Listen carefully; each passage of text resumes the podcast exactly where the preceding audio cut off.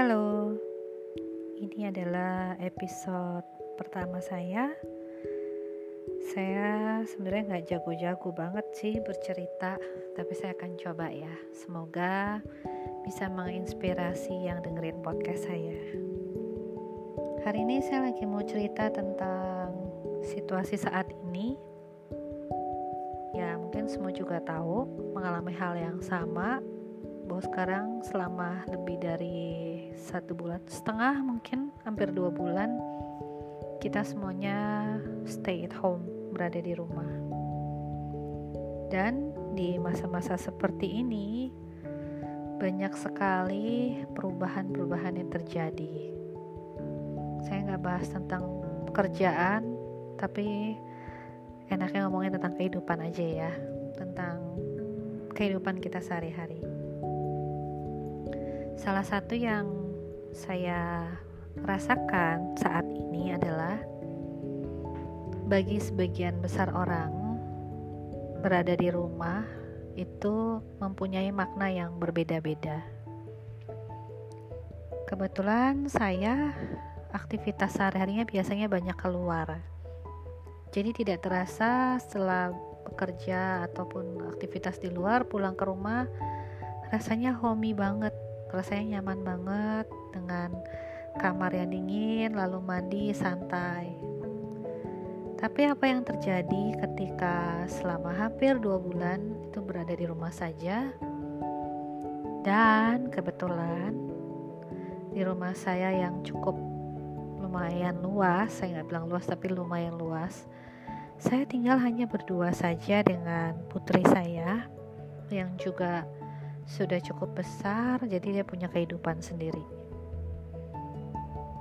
Jadi, ketika situasi berada di rumah ini membuat dilema yang cukup besar adalah I feel so lonely.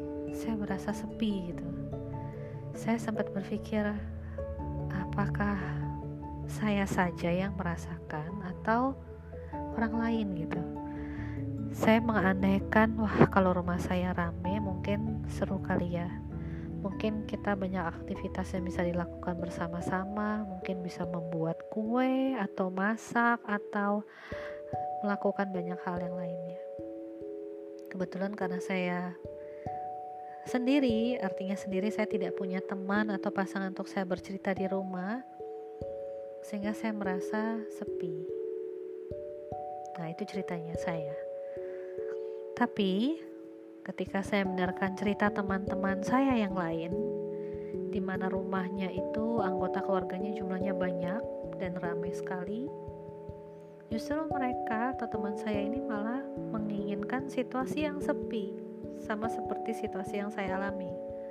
Mereka justru pengen punya ruang yang kosong dan bisa me time, tapi nggak bisa karena selalu ramai rumahnya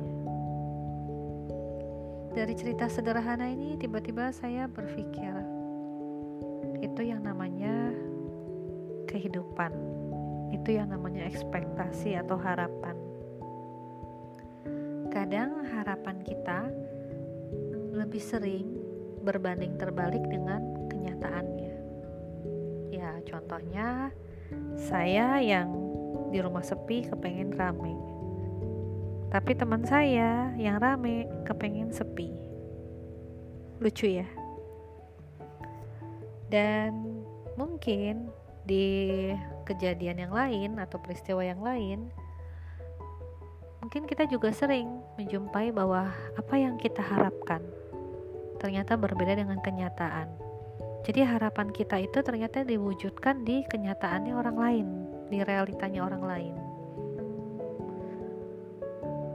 Sampai saya berpikir bahwa saya mendengar podcastnya Rintik Seduh kemarin ada cerita lucunya. Jadi katanya penulis uh, yang memiliki podcast sana ya. Kadang lebih baik kita membuat beberapa cadangan persiapan kegagalan ataupun ketidakmungkinan dibandingkan kita membuat beberapa list-list harapan. Karena kalau kita sudah buat list kegagalan, maka ketika kegagalan itu terjadi, kita udah lebih siap mentalnya. Tapi ketika ketika kita membuat wish atau harapan tapi tanpa menulis sisi yang lain atau sisi kegagalan maka kita akan lebih double kecewanya. Sederhana tapi menyentuh sama dengan perasaan yang saya rasakan saat ini. Bagaimana dengan Anda? Nanti kita sambung di series berikutnya ya. Salam.